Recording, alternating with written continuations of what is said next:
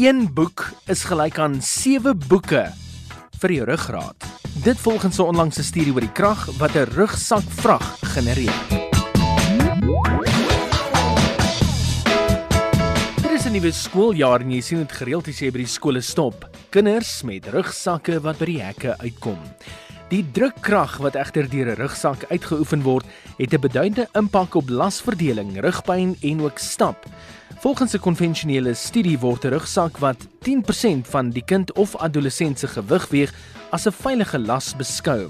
Daar is wel deur 'n navorsingsspan na twee scenario's gekyk: 'n gewone rugsak met twee skouerbande en 'n gewone rugsak met twee skouerbande met geplaaste gewigte met die ruggraat 20 grade vorentoe gebuig.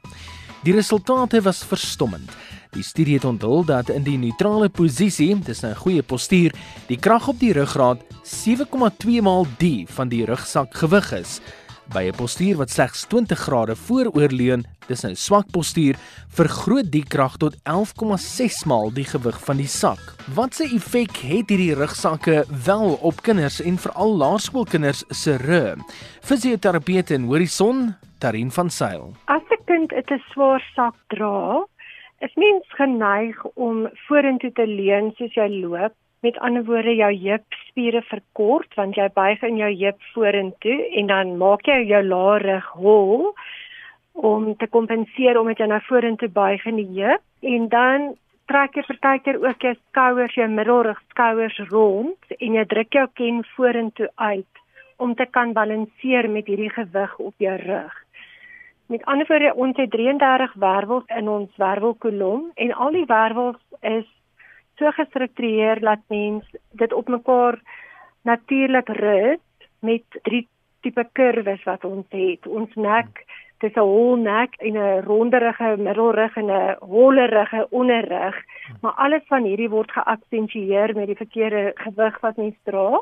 En dan verplaas jy die gewig in die kussentjies tussen die wervels ook verkeerd. En dan begin die senuweestelsel pyn ontwikkel want die spiere moet abnormaal werk, so die kind sit met permanente rugspasma en stywe gewrigte waar dit nie hoef te hê nie. So wat as 'n kind nou so 'n rugsak van laerskool regdeur tot en met hoërskool dra? Kan dit permanente skade tot gevolg hê? Dit kan moontlik tot gevolg hê omdat hy nou 'n abnormale lae rugholte het, ons noem dit 'n lordose. Dit maak dat handpese ook verkort en hulle heupe voor word styf. So hulle postuurspiere werk nie oordentlik dan nie want hulle dra dit nou met uh die spasma van die lae rug en bo kan hulle hulle kenne te ver vooruit stoot om nou op te maak vir die kompensasie. So jou jou gewrigte in jou nek word baie styf en jou skouers word styf. Jy kry asemhalingsprobleme en jy kan ook selfs skoliose ontwikkel wat 'n gebuigde kurwe is van die sakke wat spierinbalanserings het. So die kinders kan moontlik abnormale rugpyn en nekpyn ontwikkel Fisioterapeut Tarin van Sail van Horison aan die Gauteng se Wesrand. Daar is 'n paar maniere waarop jy jou kind kan help om die krag op sy of haar ruggraat te minimaliseer. Dink aan wat jy inpak, pak net die nodige in. As jy volgens 'n rooster werk, is dit mos onnodig om 'n paar dae se boeke in jou tas te hê.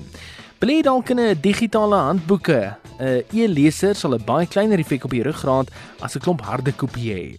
Moedig goeie postuur deurlopend aan. Gebruik ook albei die skouerbande indien jy wel van 'n rugsak moet gebruik maak. Deur albei die bande gebruik word die gewig verdeel sodat een kant van die ruggraat nie 'n dubbele las moet dra nie. En oefen jou kernspiere. Jou lyf beskik oor sekere inherente skokbrekers. Deur kernspiere byvoorbeeld met behulp van plankoefeninge op te bou, word die liggaam se kragdempers op die manier versterk.